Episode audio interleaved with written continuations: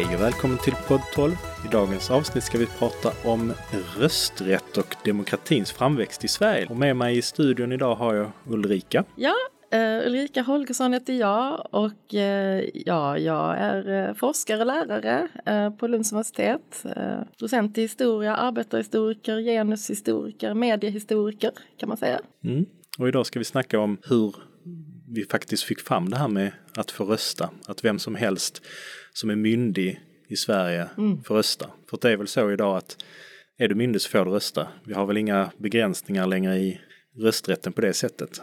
Nej, det har vi inte. Men vi hade det länge, långt efter 1921. Mm. Eh, så det kan vi komma in på mm. småningom. Men då rullar vi tillbaka ja. i, vad blir det, 120 år någonting ja. sånt där, 100 plus ja, år. Vi kan rulla tillbaka faktiskt till 1890-talet någonting sånt där, när det bara sätter igång. Uh, på allvar. Mm. Um, för då bildas den allmänna rösträttsrörelsen i Sverige av socialdemokrater eh, och där finns ju facket som en del. LO bildas ju 1898 så det är ju inga vattentäta skott där eh, mellan fack och parti. Och Liberalerna som på den tiden eh, tillhörde det man kallar vänstern. De var inte heller riktigt eh, fast, de hade inte bildat sina partier riktigt än, det gjorde de i början av lite fastare i början av 1900-talet. Men det var de som drev rösträttskampen i Sverige i det som hette Allmänna eh, rösträttsförbundet som bildades då. Eh, och då bildade man föreningar i, runt om i hela Sverige. Och så ordnade man eh, folkriksdagar. Eh, en 1893 och en 1896. Och, eh, bland annat, man var ju ute och hade möten och, och alltså, kampanjade och bildade föreningar runt om i Sverige. Men de här röstriksdagarna som man ordnade, det var ganska fascinerande faktiskt. Det var så att man ordnade helt valförfarande hur det skulle vara om man hade haft allmän och lika rösträtt. Och där var fler deltagare eh, till, än vad det var till andra kammarvalen då, för det var ju inte alltså, eh, det var ju många som inte fick rösta, så att det var ju eh, upp mot eh, 150-200 000 som deltog där. Eh, och då samlades man i Stockholm och ordnade en riksdag med kandidater och allting och visade och diskuterade saker och ting. Um, så det var en början på samlingen, en av de, en av de sätten man hade. Liksom för. Sen gjorde man ju namninsamlingar som man, kunde, som man drog eh, i stora långa vagnar till kungen.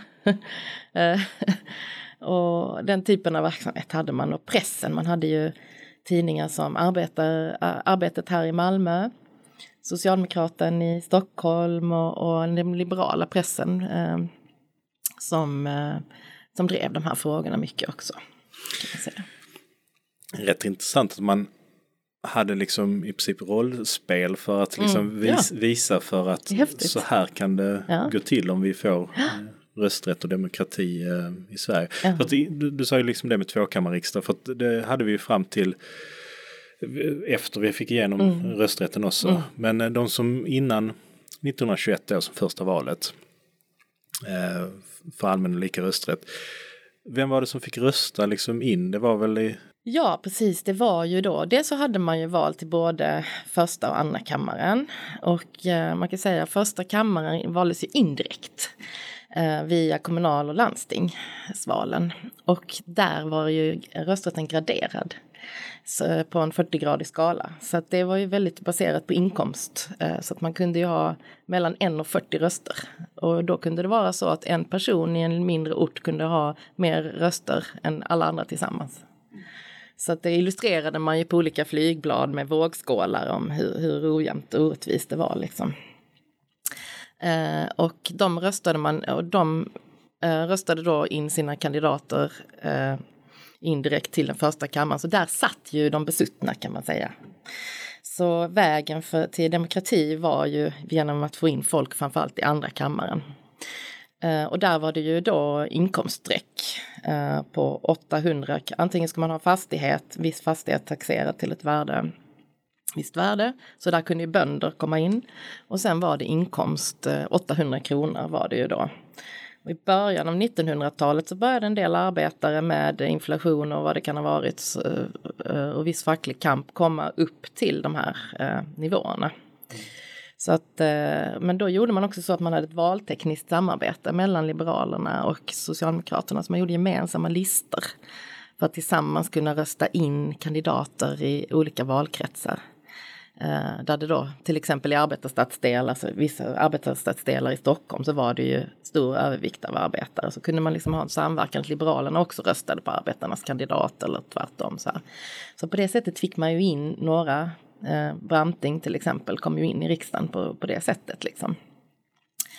Eh, men man kan säga att det, det skildes åt i två grenar någonstans i början av 1900-talet. För att eh, eftersom det gick så långsamt så började arbetarrörelsen tycka att det här, eh, det funkar inte, vi måste skärpa till våra vapen. Och då drev man på att man Alltså Liberalerna ville att nu tar vi det den parlamentariska vägen och det var ju det som man började göra. Men, men Socialdemokraterna och arbetarrörelsen ville ju använda det fackliga vapnet, alltså storstrejksvapnet. Mm. Och det gjorde man 1902 i en stor eh, rösträttsstrejk. Som är ganska intressant. Eh, därför att på den tiden hade man ju inte demonstrationsfrihet i Sverige. Och det hade man inte, eh, den har varit begränsad i Sverige ganska långt fram i tiden. Uh, och uh, även yttrandefriheten var ju begränsad. Uh, så att vi har ju haft Eh, ett tag i slutet av 1900-talet så satt ju fyra socialdemokratiska redaktörer i fängelse för att ha härdat Gud och så vidare. så det är där vi är, det är så landskapet såg ut. Men eh, demonstrationsfriheten, ja. Man fick inte såra, det fanns ju plakat eller regler som sa att man fick inte såra allmän sedlighet och man fick inte liksom ja, det fick inte vara uppviglande mot auktoriteter och sådär. Eh, så att eh, och såra allmän eh, ordning, vara ett hot mot allmän ordning och så. Så att eh, man behövde ju tillstånd och det gavs inte och så vidare. Och man ville inte heller, högern ville inte heller att, att, att eh, det offentliga rummet skulle politiseras. Så därför fick man inte gå i gaturummet med plakat liksom. Utan man fick liksom ha demonstrationer på plats. På, så det hade man ju till exempel i Stockholm på eh, eh, Liljanskogen och Gärdet och så. Där träffades man ju på första maj och sådär. Men och i samband med den här rösträttsstrejken 1902 eh, så hade man möten då utanför stan. Eh, men ett av dem kan man säga urartade i så måtto att man struntade i reglerna och folk började när mötet avslutades dra sig in mot Stockholms centrum. Och eh, det slutade i kravaller där eh, polisen drog sablar och det blev ett jävla tumult och över 70 personer eh, häktades. Och då så började Socialdemokraterna och arbetarrörelsen att förhandla med överståthållarämbetet där och så och fick till stånd att man faktiskt skulle få en demonstrationsfrihet. Så efter det kunde man demonstrera på första maj och så. Men det, det har fortsatt, fortsatt att vara reglerat liksom. Det var i princip bara första maj som du fick ja, demonstrera, alltså sen var det, det ja, inget tillstånd sen. Alltså det hände ju senare att folk också blev, eh, bland annat ungsocialister och så, som blev fängslade när de hade demonstrationer och så. Så att um, ganska komiskt. Eh, August Palm gjorde en väldigt rolig sak. Han satte in en annons i eh, Socialdemokraterna att han skulle ta sig en morgonpromenad. Och de som ville följa med kunde hänga på. Så att då promenerade han med ett antal människor, eh, hundratals säkert, liksom i stan och, och pratade, språkade med dem om politik. Det var ett sätt att komma runt det liksom. Uh, men det var ju fullständigt absurt naturligtvis för oss idag att förstå ja, att det var så. Man kan liksom inte föreställa sig för att idag så tar vi liksom mycket mm. för givet med demokratin. Ja. Och vi kommer inte komma uh, dit senare i samtalet med hur det ser ut idag. Men det är så intressant att man var, var så tvungen att vara så nytänkande för att kunna liksom sprida ordet, sprida mm. vad man känner liksom ja. och hur, hur, man vill se ett, ett land. Mm. Uh, och så hade du hela tiden det här med att kungamakten var ju fortfarande mm. kvar. Den mm. avskaffades ju, eller... Ja, tyvärr har den inte avskaffats ännu. Nej, det är det jag menar. Men, äh... den var ju inte för, förespråkare av demokrati och demokratisk utveckling, nej. Nej. Utan det var väl inte förrän, det var väl Gustav V som gav över mm. så som vi har det mm. idag med att vår kungamakt är liksom inte kungamakt i sig utan det är liksom mer en ceremoniell roll. Och, och eh, mer än att han öppnar riksdagen, det är väl typ där han Ja, Gustav V kan man ju inte, alltså Gustav V var ju den som, som faktiskt, och det är intressant att du säger det, och det var ju det här borggårdstalet 1914 och han var ju också ivrigt påhejad av eh, drottning Victoria som var ärkekonservativ och samarbetade med högerkrafter och antidemokrat verkligen. Och eh, han förhindrade ju då alltså eh, parlamentarismen som princip. Eh, eh, genom att eh, hota, ja, han pratade om min flotta, och min, det gällde ju försvarsfrågan där då, där socialdemokrater och liberaler stod emot eh, högern och eh, eh han tvingade Karl Stavs regering att avgå eh, fastän att de då eh, hade parlamentariskt stöd. Alltså så att där blev ju liksom det parlamentariska principen eh, för sista gången ifrågasatt i Sverige. Och så att, men sen kan man säga om man ska tacka honom för någonting så var det väl till slut att han mm, liksom gav upp. Eh, han var ju rädd för att vara tvungen att abdikera eftersom det höll på att bli revolution. Så där gav han ju mer eller mindre upp. Men det var ju eh, liksom mot galgen och sen har ju kunga kungamakten eh, blev ju inte riktigt begränsad förrän eh, med Torekovskompromissen på 70-talet. Så, att, så att vi har ju ändå, men naturligtvis så blev det ju en utveckling sen där kungen, om man med, med det som med honom så brukar kalla gamla kungen eh, Gustav VI Adolf, att det blev ju liksom en, en representativ roll, det utvecklades ju så småningom under 1900-talet. Men, men Eh, man kan inte säga att Bernadotterna på något sätt var förkämpar för demokratin i Sverige, det kan man inte säga. Nej. Men... Man, kan, man kan säga så här, om man tänker på hur de tänkte och hur de tänkte att land skulle styras. Uh, så var det ju att kungen, skulle, kungen utsåg ju uh, ministrarna. Mm. Och, då, och då, de valde ju han företrädesvis i första kammaren bland eh, eh, de som hade höga positioner i samhället. För man ansåg att det här är kapabla, dugliga människor. Det är de som ska styra över landet. Det är de som kan försörja sig själva och har nått en hög samhällsposition. Det var lite mer av ett expertstyre, liksom. man ville inte politisera det egentligen. Eh, så det var väl eh, deras syn på demokrati. Lite teknokratiskt. Eh. Ja, ja det var, naturligtvis så hade de ju väldigt politiska åsikter. Men det var inte så de såg det. De såg det som de skulle förvalta landet, de som hade höga positioner och var lyckade i samhället.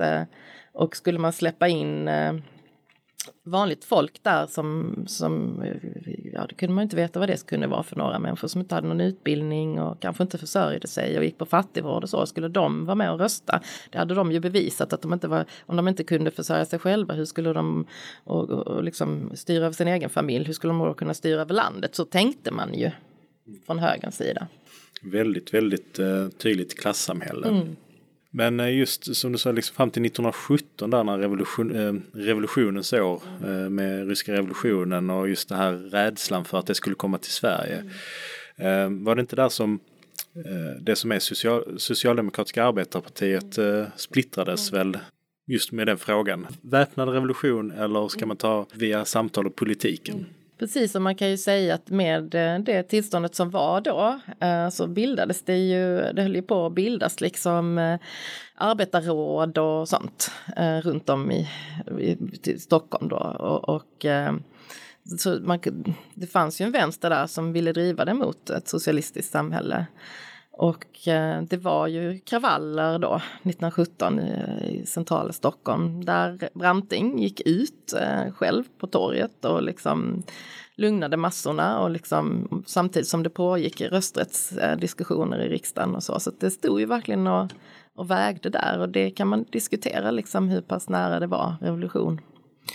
Eh, det kan vi ju aldrig veta riktigt, nu blev det som det blev men, men. Eh, Jag tror vi ska vara tacksamma för att att vi under väldigt mång, lång tid liksom har haft ett väldigt stabilt eh, politiskt läge. Mm. Eh, vi har ju alltid haft en regeringsbildning. Vissa andra europeiska länder har man ju sett att det har tagit väldigt lång tid eh, efter ett val att eh, man ska komma överens med en regeringsbildning. Och det har vi inte sett i Sverige. Uh, nej, uh, det kan man säga, men det var rätt oroligt där på 20-talet. Det finns ju lustiga sådana filmklipp där man kan se hur regeringarna går in och ut och fram och tillbaka och sådär. Uh, så 20-talet var ju lite oroligt i början innan det stabiliserade sig på 30-talet. Så. Men, ehm, Uh, visst, uh, vi ska vara om vi ska tacka näringslivet för någonting så var det ju att det fanns en del företagsledare där som, man, som insåg där 1917 att det är bättre att vi nu trycker på högern och vi får uh, röst, allmän rösträtt och demokrati än att det ska, det kommer att gynna oss mer. Och där är väl rötter till hela liksom, den svenska modellen och Saltsjöbadsandan och sånt att man sen på något sätt ändå byggde någon form av bro till till näringslivet så att det blev en stabil utveckling. Ett samförstånd i, mellan liksom parterna. Ja, att, uh, någonstans ändå ja.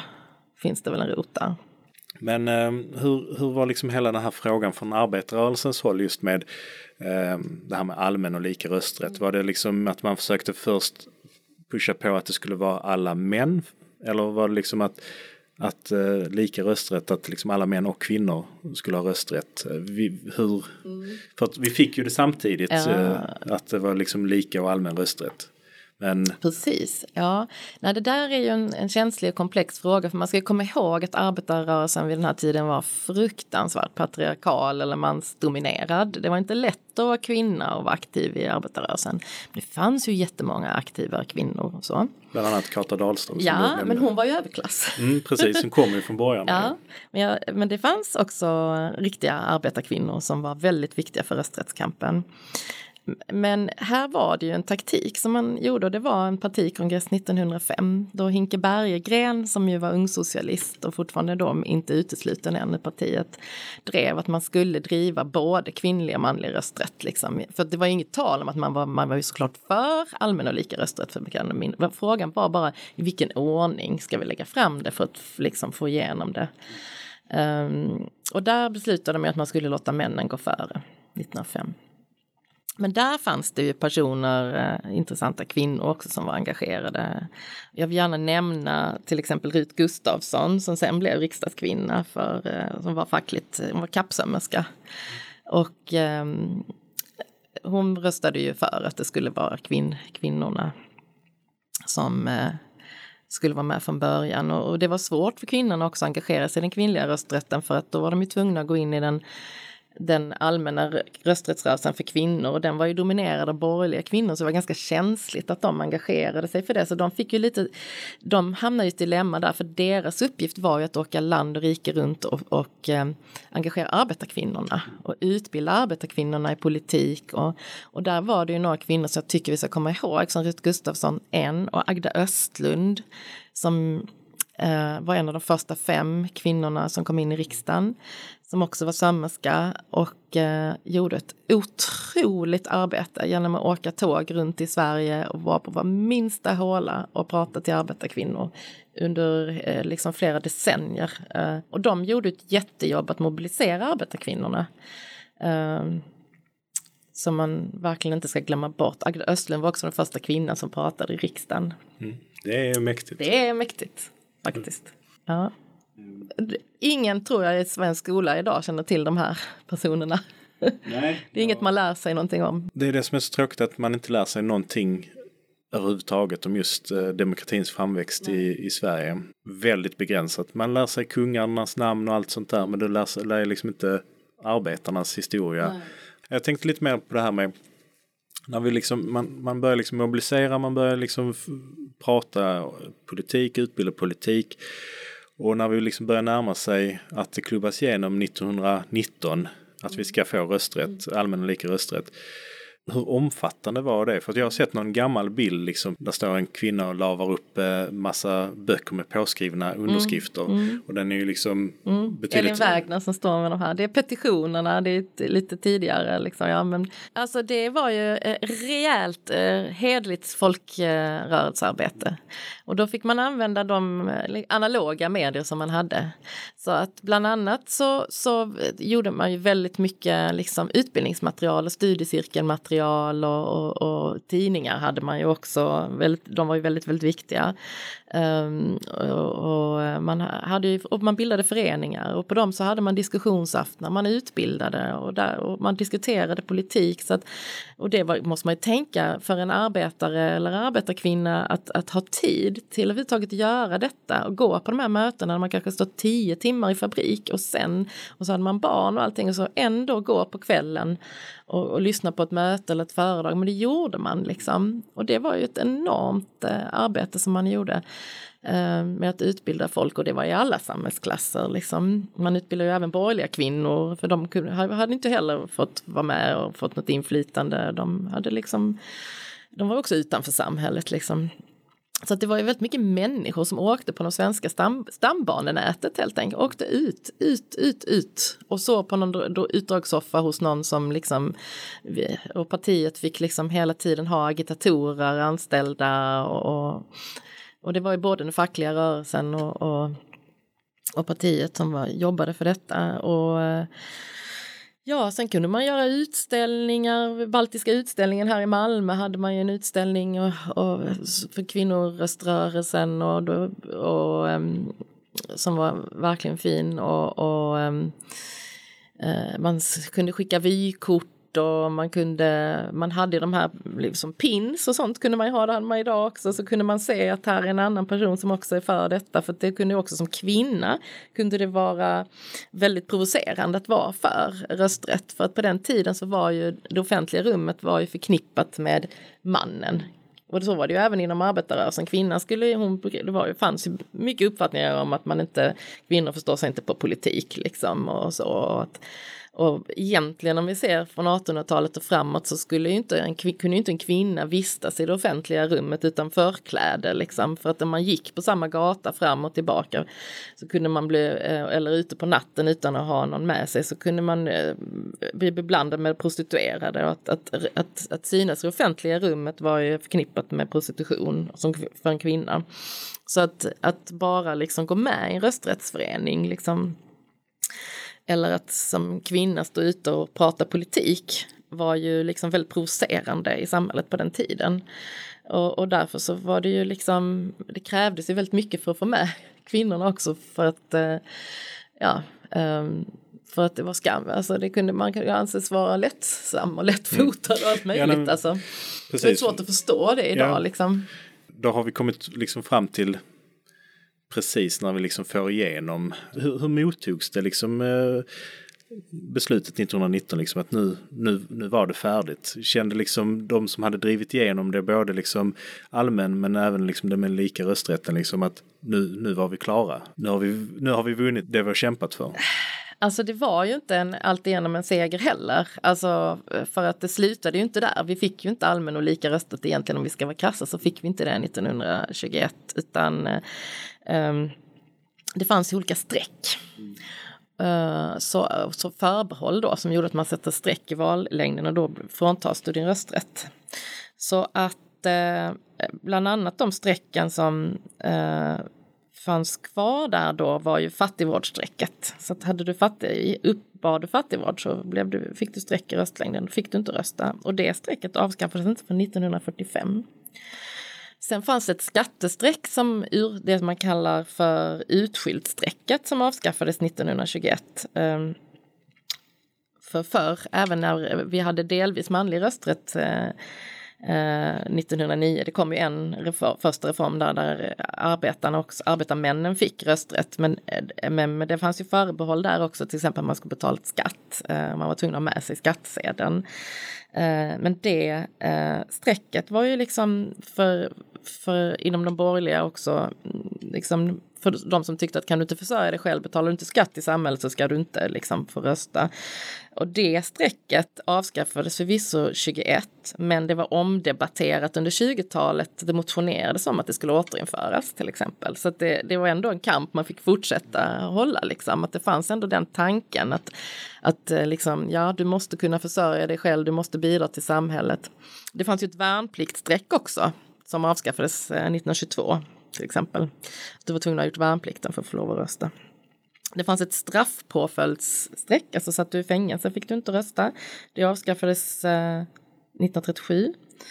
Det fanns ett konkursstreck, så att om du hade en rörelse som hade gått i konkurs så fick du inte rösta. Eh, det avskaffades 1945. Så att eh, det fanns mycket förbehåll och det sista strecket som avskaffades var ju då omyndighetsstrecket 1989. Och åldern för eh, att få rösta ja, har väl också förändrats med precis. åren? Precis. Uh, den första åldern var ju 24 och sen har det successivt uh, förändrats till den gränsen vi har idag. Och den har ju också varit omdebatterad, liksom om man ska sänka den och, och så nu. Så det, det, är ju alltid en, en diskussion som liksom pågår. Um, mm. Men det där har vi vetat ganska lite om länge, så det har funnits ett stort forskningsprojekt om det nu faktiskt. Eh, som just har kommit med en, eh, en publikation om det. Som jag tror heter eh, Röst, Rösträtt för alla eller någonting sånt. Uh, så det är en historia vi lite grann har glömt bort. Det är lätt att tänka som du är inne på här att ja, det var en seger och sen var det bra med det. Men det är väl det där också att uh, demokratin måste hela tiden uh, liksom Uh, alltså det finns revor i den och, och, och måste hela tiden underhållas, underhållas för att uh, ja. inte gå sönder. Mm. Och sen måste man också då säga att uh, för det kan man ju se om man, ser ut, man blickar ut lite i världen. För vi var ju med i det man kallar den andra vågens rösträttsrörelse. Mm. Sen den tredje vågen liksom kommer ju efter andra världskriget med avkolonialisering där många länder runt om i världen, tredje världen och så får rösträtt. Och då eh, är det ju så att, att, eh, bara för att man inför rösträtt är det ju inte säkert att man har fått demokrati. Därför att det kommer inte alltid med andra, många av de här länderna ombildades ju till enpartistater och fick inte fria medier och man måste ju ha alla de här eh, andra rättigheterna, mötesfrihet, fria medier, allt det. Och det, när det inte finns på plats så har man ju inte heller demokrati. Så rösträtten är inte heller en, en garanti ur min synvinkel har man ju liksom sett liksom hur man arbetade fram från arbetarrörelsens håll just med eh, reformerna. Mm. Socialdemokraterna just för att stärka liksom och göra så mycket. Det skulle liksom inte bara vara lyfta arbetarklassen att de skulle få massa saker utan det var liksom att nu är vi lika. Mm. Nu ska vi liksom ha det här oavsett liksom. Mm. Nu är vi bara medborgare. Ja. Varje medborgare har rättigheter liksom. Mm. Och, och, och, så det ekonomiska och det demokratiska kampen går liksom hand i hand där för att, för att vi då också ska kunna liksom bli starka i demokratin och hävda vår rätt så behöver vi ha bra skolor för alla och, och sjukvård och så för annars så hamnar man ju utanför samhället och kan, har inte möjlighet att hävda sin rätt. Så det, har ju, det hängde ju verkligen ihop men där ser man också hur Liberalerna som då räknades till vänstern fram till 1921 liksom sen gick åt ett annat håll. Att då, eh, då eh, blev det ju mer en ekonomisk eh, liberalism från deras sida som de drev. Så det, eh, det har väl var, var, väl kanske socialdemokratins idé framför allt. Liksom. Eh. Sen har ju naturligtvis Liberalerna deltagit i mycket av de här reformerna också. Men, men det blev liksom en, en vattendelare där sen. Just den ideologiska tron som jag tänker du är inne på att, att alla de här reformerna som ju inte högern eller moderaterna eh, var för. Tittar man liksom på beslutsprotokollen, liksom när man beslutade hur omröstningarna var, eh, mm. så var det ju väldigt, bara liksom med semester, mm. högern röstar emot, mm. eh, barnbidrag, högern röstar emot, allmän sjukvård och sånt där. Mm. Jo, det kan man ju inte förneka, det är bara att gå till läggen och se. Alltså det... Men sen har man ju liksom sett att eh, samhället byggdes ju upp och accepterade, alltså oavsett vilken eh, politisk tillhörighet så förstod man väl att det blev rätt bra. Mm. Fram till vad, vad blev det, liksom 80-talet var vi ju ett av de mest eh, mm. jämlika länderna när vi snackar liksom klassklyftor och sånt i världen. Sen kom det någon konstig eh, politisk ideologi som eh, fördärvade allting, nyliberalismen. Ja, alltså vi har ju fått ett, eh, man kan säga idag, om man ser på Sverige, liksom, eh, det är intressant, man ser statsvetare, det finns statsvetare som gör eh, de här World Value Survey Index, där man delar in olika länder i världen, jag tror det är 80 som är med på den, man kontinuerligt följer upp och då delar man in det på en skala individ, individ tradition, kollektiv och alltså är man då in, är man eh, rationell eller är man liksom mera religiöst inriktad, alltså sekularisering kontra religion. Och där hamnar ju Sverige alltid högst upp, längst upp i ena hörnet, att vi är hyperindividualistiska och eh, väldigt rationella. Eh, och det där eh, liksom rationella känner vi igen från den sociala ingenjörskonsten, uppbyggnaden av välfärdsstaten och så. Men det har också funnits det här individualistiska och det har väl liksom tagit fart i Sverige med en väldig eh, snabb utveckling från 80-talet och framåt. Att vi har byggt ett samhället väldigt mycket på valfrihet och att det är individens eh, rätt eh, det var ju ett mer kollektivt tänkande liksom fram till, ja men skiftet 70-80 någonting sånt. Ja, och jag tycker det som jag tycker är, det låter jättefint eh, i mångt och mycket just det här med att du har valfriheten och sånt där. Men det som jag tycker är så synd eh, och skrämmande, det är liksom just att man när du får den här valfriheten, du säljer in någonting som låter positivt men i slutändan så ökar du ju återigen det här med klasserna. Du får en överklass, en underklass, de som inte har pengar har ju inte samma valmöjlighet. Demokratin börjar naggas och försämras. Precis, och så är det ju om man, alltså, man kan ju bara titta, här kan man ju bara titta ekonomiskt historiskt hur det ser ut. Om vi, det finns ny forskning nu av Erik Bengtsson i Lund som han har ju visat att eh, om vi tar då sekelskiftet 1900, början av 1900-talet, så är ju Sverige en av de absolut, tror man kanske inte, men en av de absolut tydligaste, starkaste eh, klassamhällena. Alltså om man tittar på de ekonomiska skillnaderna i, det, i Sverige vid den tiden så ligger de liksom på nivå med USA och andra länder som är väldigt eh, ojämlika. Och sen byggs det bort Uh, och tittar man då på de senaste eh, uh, 20-30 åren så har det då gått tillbaka till det här. Men det är ju andra människor kanske som tillhör arbetarklassen idag. Alltså det är ju väldigt mycket kopplat till att det har blivit en etnifiering av att, att, att det har blivit invandrare som ekonomiskt står lägre liksom. Uh, för den svenska arbetarklassen har ju genom liksom facklig kamp till stor del ehm, fått det betydligt bättre och har fortfarande de som har arbete inom traditionella branscher liksom det bättre. Men vi har ju, och det jobbar ju ni ju jättemycket med på transport tänker jag, för det är ju en av de sektorerna som verkligen är utsatta för eh, eh, de här, och det är för att samhället och ekonomin förändras och man får den nya serviceekonomin som ju är eh, brutal. Och där har det väl blivit så att det har blivit de nya svenskarna som har fått ta de jobben liksom och eh, hamnar ju i fattigdom liksom för att det går inte att försörja sig på den här typen av jobb och de är så osäkra. Du får inte fasta anställningar utan du får liksom, ja, det är allting med delade turer och, och, och eh, eh företag som utnyttjar ju eh, att du får, får jobb. Det är daglöneri i stort sett är det ju. Precis, tillbaka igen. Ja, till där vi var för några år sedan.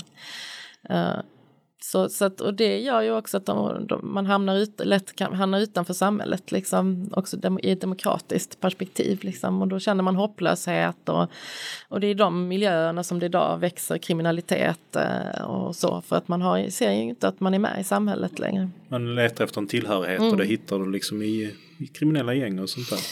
Ja, jag tänker också att eh, de plockar ju barn. Mm. som inte alltså där um, man inte ens har gjort det valet aktivt. Man har inte varit en vuxen människa som har tagit det valet. Liksom. Nej, och det är det som just eh, och då ökar eller då minskar ju just det här med att eh, är, känner du dig inte en del av samhället så kommer du ju inte till att vilja vara med och påverka i samhället. Och samma där med, eh, vad heter det, eh, med gigekonomin då med det här med daglöneriet mm. som har kommit tillbaka. Att du har kanske inte råd till att avstå att göra dina matbudsleveranser och sånt där, att gå och rösta. Ja, du kan inte råd att vara med i facket eller du kan inte betala till a-kassa och sånt för det är liksom, ja. Precis, varje liten krona måste mm. du titta på. Mm. Men eh, så det är ju en farlig utveckling just mot att uh, försämra demokratin i Sverige. Jag ser liksom en, eh, en annan sak är ju som du var inne på just med som en del av demokratin som är um, oberoende media och sånt där. Mm. När vi hade radio och tv-avgiften så var det ju liksom helt oberoende. Mm. Nu så Ja, vem styr, över, vem styr över skatterna? Ja, det är ju riksdagen. Mm. Och vilken majoritet som finns i riksdagen mm. beslutar ju hur mycket pengar som den ja. oberoende medien får. Så jag tycker det är en skrämmande utveckling. Mm. Har du själv sett sån, lite andra sådana här tendenser som man har sett att vi har arbetat bort i början när vi kämpade för rösträtten och demokrati. Lite varningsflagg nu att oj det här kan bli farligt om 10-20 år. Jo men det är ju framförallt medierna här som jag tror är nyckeln liksom. Och eh, public service är ju där en, eh, en, eh, en väldigt viktig del liksom. Att eh, vi måste värna public service. Eh, för vi har ju en, och det är ju teknikutvecklingen också som har gjort det, att, att papperstidningen inte liksom har eh, kunnat finansieras Så att vi har fått sociala medier som har Eh, konkurrerat och att vi har, ja, men vi har liksom en väldig kommersialisering av hela mediebranschen. Eh, vi har ju avskaffat pressstöd och allting sånt innan som har liksom på något sätt garanterat att vi har haft kunnat finansiera liksom oberoende och fria och pluralistiska medier. Alltså eh, väldigt många jag, menar, jag jobbade själv som ledarskribent på Arbetet precis när tidningen lades ner och var med om hela den processen. Liksom. Och, eh, det är ju en väldigt eh, alltså farlig utveckling att, eh, att vi liksom idag inte kan finansiera liksom ordentliga journalistiskt gedigna medier som kan nå ut till många människor utan eh, vi har de här eh, gratismedierna som är väldigt kommersiellt styrda av, av reklam på ett sätt som är på ett helt annat sätt än när vi hade annonser i tidningar. Att, att det styrs av de här algoritmerna och att eh, hur många klick man får på rubriker och så vilket gör att, att innehållet liksom urvattnas att, att man att eh, det blir ny, typ av eh, nyheter som egentligen inte är nyheter. Eh, och på det sättet så får ju folk inte information. Alltså, utan det blir en väldig, eh, politiken eh, blir också väldigt mycket ett spel. Alltså eh, det, skandaldrivet och så för att det ger klick, det ger snabb liksom Eh, uppmärksamhet och, och mer annonser eh, och mer pengar. Så att, att göra god journalistik finns det inte pengar till heller då längre. Eh, vi har, vi har, branschen har varit i väldigt kris under lång tid. Jag är utbildad journalister så jag vet det, men jag vet nu att det finns ett eh, sug från branschen igen. Att man i de tiderna vi är i nu inser man ju Eh, med att det då sprids så väldigt snabbt genom sociala medier, eh, mycket desinformation helt enkelt, eh, så blir det ju viktigt med kunniga journalister och att vi kan finansiera medier som kan finansiera god journalistik som, som kan ge fakta för människor som, är tviv, som inte är tvivelaktig. Så där ser vi verkligen ett hot Uh, att vi måste nå ut till ungefär som för hundra år sedan att man måste hela tiden utbilda människor och människor måste få, få kunskaper. Uh, och I takt med att vi får en skola också som har blivit urvattnad och, och med hela uh, Ja, vi har ju sjunkit i alla statistikligor genom den utveckling vi haft i svensk skola så, så är, har vi inte heller utbildade demokratiskt utbildade människor på samma sätt liksom som kan kritiskt granska information eller ha den kunskap de behöver i ett demokratiskt samhälle. Eh, så det, det, är stora hot idag mot demokratin och det måste vi lösa på något sätt. Och att avskaffa public service är ju är, är väldigt farligt. Alltså där måste vi, en form av skattefinansierad medieproduktion måste vi ha liksom. Mm. absolut, att få bli av med public service skulle vara det ja, bedrövande. Mm. Det, men det som jag tycker är sorgligt med public service är ju att vissa av de här debattprogrammen som man har nu eh, med partiledarna. Mm. Det är liksom inte bara hur partiledarna är utan det är just att de som modererar mm. väldigt ofta glömmer ställa följdfrågor som är relevanta. Var är bakgrunden till detta påståendet eller sånt där. Utan mm. Och i och med att inte någon motsägning kommer eller ifrågasättning så tas det som sanning. Mm. Och det... Jag förstår precis vad du menar. Jag tror att public service också har påverkats väldigt mycket av den här uh, kommersialiseringen. Att för att tävla med andra medier, det finns en ängslighet idag att, att uh, för att man ska få folk att lyssna överhuvudtaget som är så matade med det här underhållsliknande liksom journalistiken eller, eh, eller ja, informationen som finns i andra medier eh, så eh, blir även i public service journalistiken präglad av underhållning eller liksom kanske ja, mera lättsam, mindre fördjupande, mindre kritisk liksom. Eh, om man ser det liksom på formaten i tv också. Jag tänker jag hör väldigt ofta att folk är kritiska till tv-debatterna mellan partierna. Eh, att jag, jag, tittar inte på det där längre. Jag, jag vet, känner nästan ingen som tittar på de där debatterna längre.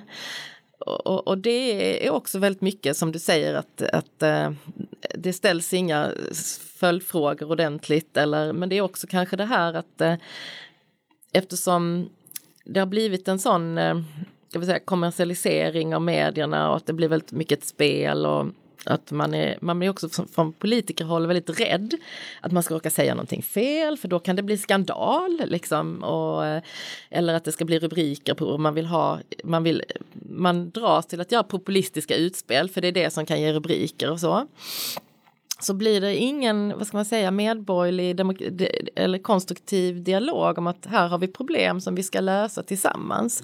Utan eh, om man möts inte i, i, en konstruktiv dialog i de här debatterna, man lyssnar inte på vad de andra säger, utan det är väldigt mycket att man har färdiga repeterade punchlines liksom. Så att om någon ställer en fråga, det gäller ju även när journalister ställer frågor till, till politiker, så svarar man inte på det, utan man svarar på något helt annat, goddag yxskaft liksom. Man vill bara köra in sina färdiga liksom, repliker. Och det gör ju att eh, det blir väldigt eh, meningslöst att titta på och, eh, och det blir väldigt populistiskt liksom. Och det är skadligt. Eh, och jag brukar ibland när jag är ute och pratar med detta så har jag hittat en bild från eh, slutdebatten i tv 1960 Um, och där ser man hur tv-debatten såg ut då, hur den var stagead liksom. Och då ser man att det fanns ett podium uh, liksom högt ovanför politikerna där deras sakkunniga och tjänstemän satt och uh, följde debatten och hela tiden skickade fram lappar. För att man vet inte vart debatten ska ta vägen utan uh, och, och då måste man ha någon som kan faktan och som kan ta ner den och så sitter Palme och vilka andra politiker det är vid den tiden eh, om det är Olin eller vad, vad det är för folk. Eh, Palme sitter som sakkunnig där uppe och så sitter Erlander nere och debatterar och det är, alla sitter med rörelser upp och ner och fram och tillbaka och väldigt engagerade och sådär och så jämför man det med de här pinnarna, av, alltså raka robotarna som står på rad liksom och bara matar repliker. Alltså det, det är så tydligt att det är ett annat eh, ett annat, eh, vad ska man säga, annat diskussionsklimat. Eh, liksom. Ja, det är det som jag själv också reagerat på. att Det är ju det här som ökar det här med politikerföraktet. För jag tycker det är så skrämmande utveckling just med att, eh, att det är det klimatet, att man har det här öppna politikerföraktet. Mm. Och det om något är ju jäkligt farligt. Det är fruktansvärt farligt ja man ser liksom inte människan bakom längre. Och det, och det är nästan, det är inte bara partiledare utan det är liksom ministrar och i princip alla politiker som är folkvalda. Att man ser liksom inte att det är en människa bakom utan man bara ser och sen är den inte värd någonting för att den håller inte med mina ideal. Mm. Precis, att man inte respekterar motståndaren. För i demokrati så, är ju, så ska man ju pröva argument hela tiden. Mm. Och respektera att vi ska inte alla tycka lika men vi ska liksom respektera motståndaren. och Eh, Eh, jag har själv varit politiskt aktiv suttit i kommunpolitik och det var alltid så att man kunde gå och ta en öl efteråt och det var stor respekt för varandra. Det enda hot jag fick var att någon, någon ringde någon gång på natten via telefon och sa något eh, okvädningsord och någon skickade något brev någon gång eller sådär. Men detta var ju helt före sociala mediers tid för att det fanns inte den möjligheten att piska upp en mobb eh, som det ju blir och det som du säger den här anonyma eh, liksom hatet som, som eh, Ehm, det fanns inte mediala möjligheter att, att, att, driva fram det på det sättet. Och det är ju väldigt olyckligt och, och väldigt, väldigt farligt. Eh, och när det blir sådana här trollfabriker och sånt och där man liksom systematiskt då gör kampanjer mot olika politiker.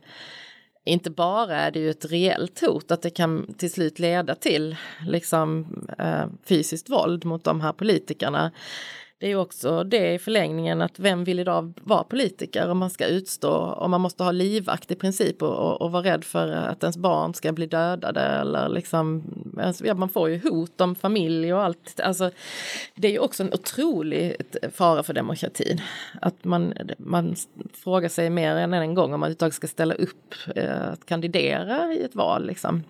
Ofattbart egentligen att det har kommit till det och man märker liksom bara nu i hur det ser ut just nu. Det är ju inför valet, eh, då ser man alla de här valgatupratarna och sånt där. Eh, ute i min by där jag bor, är en Vänsterpartiet, en Socialdemokraterna och en Sverigedemokraterna. Så är det någon varje dag som går och slänger bort eh, Vänsterpartiet och Socialdemokraterna. Och så att det är alltid någon som får gå och hämta dem. För att de, och det bara liksom, det var otänkbart för några valrörelser sen att man skulle plocka bort någon annans eh, valaffischer ja, och sånt ja. där.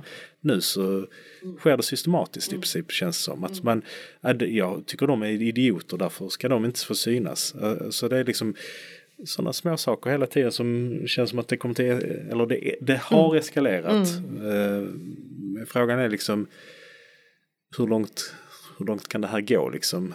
Ja, nej, vi måste ha en diskussion om det här i samhället och alla partier måste ta ett ansvar här och eh, man måste på något sätt hitta ett sätt att komma för, alltså, till bukt med det här som sker på sociala medier och, på något sätt eh, man ser ju hur utvecklingen har gått i USA. Där, har, där är ju hela demokratin på väg att gå i graven liksom. Eh, så det, det, är klart att man måste ta det här på väldigt stort allvar. Eh, och där tror jag alla, alla partier måste ta sitt ansvar där liksom. Mycket av det här är ju individer som tror att de slår för demokratins rätta medan de tyvärr arbetar för fascismens framfart istället. Mm. Visst är det så. Alltså, eh, det är väldigt eh, allvarligt läge och ehm, det är det kanske viktigaste valet vi har haft på ehm, hundra år. Mm. alltså, skulle jag säga. Det är lite av ett ödesval för Sverige. Ehm, och ehm, oavsett vad som händer sen så måste alla partier sansa sig och eh, fundera över liksom, eh, vad man kan göra för att stärka den svenska demokratin. Och ehm, ja, det, det tror jag liksom man får hoppas att det finns tillräckligt många krafter som ändå är eh, liksom beredda att värna den historien. Ehm, men sammanfattningsvis har vi liksom arbetat väldigt hårt under många år för att få till det här med demokrati i Sverige. Inte bara rösträtten utan liksom med fri med, alltså public service och allt sånt där. Vi måste verkligen se till så att vi själva, när vi liksom, eh, oavsett vad vi tycker, liksom, när vi delar någonting eller pratar någonting, dubbelkolla så att man inte sprider någonting mm. falskt. För att jag tror att det är jätteviktigt att vi som individer verkligen tar ansvar för att oj, kan det här stämma? Och innan man vet om det stämmer, att man inte bara klickar delar. Ja, det är väldigt svårt att veta hur man ska hantera sociala medier. Personligen nu så backar jag från det lite grann därför att jag märker, jag har ändå en bred eh, Alltså försöker ha en bred bas av vänner på min Facebook-sida. Men då finns det ju människor som, man får ju diskussioner som kan vara väldigt obehagliga och då drar man sig för att lägga ut saker. Men samtidigt känner jag att jag vill inte hamna i det här med en fil filterbubbla för det är också farligt för demokratin ifall vi får särskilda grupper att, att man inte diskuterar med sina motståndare utan man bara låter dem sitta på sin kammare isolerade och, och, för att det är ju ändå mötet med andra åsikter som är demokratins liksom nerv. Eh, så vi behöver ju hela tiden hålla igång diskussioner och samtal men som det är på sociala medier nu så blir det väldigt olika klickar och grupper mm. som bara hör en åsikt. Så, så där får vi tänka efter hur vi ska hantera det i framtiden. Och faktakoll eh, är extremt viktigt. Eh, också när det är e-, egna fakta som man tänker gagnar ens egen syn måste man alltid kontrollera och innan man eh, liksom eh, klickar någonstans som du säger så måste man själv eh, ta sig en funderare och kolla upp att, att det stämmer innan man för det vidare. Liksom. Tillbaka med helt vanligt folkvett. Ja, sunt förnuft. Egentligen är det ju det. Och respekt för andra människor och respekt för att vi är ett samhälle som hör samman. Eh, det är det som är hela tanken med demokratin, att vi är inte bara individer som ska kräva vår egen rätt, utan vi är beroende av andra människor eh, som varelser och vi måste respektera olika åsikter och jag tror att vi måste ha, och för att det ska fungera måste vi ha ett jämlikt samhälle där alla har samma förutsättningar att delta, både ekonomiskt och eh, och eh, ja, eh, att man får plats i det offentliga rummet. Och med det så tackar jag att du ville komma hit och prata med mig Ulrika. Ja, det var väldigt, väldigt roligt och inspirerande. Härligt att se att ni är på gång i eh, tolvan. Ja, tack så mycket. Tack ska du ha.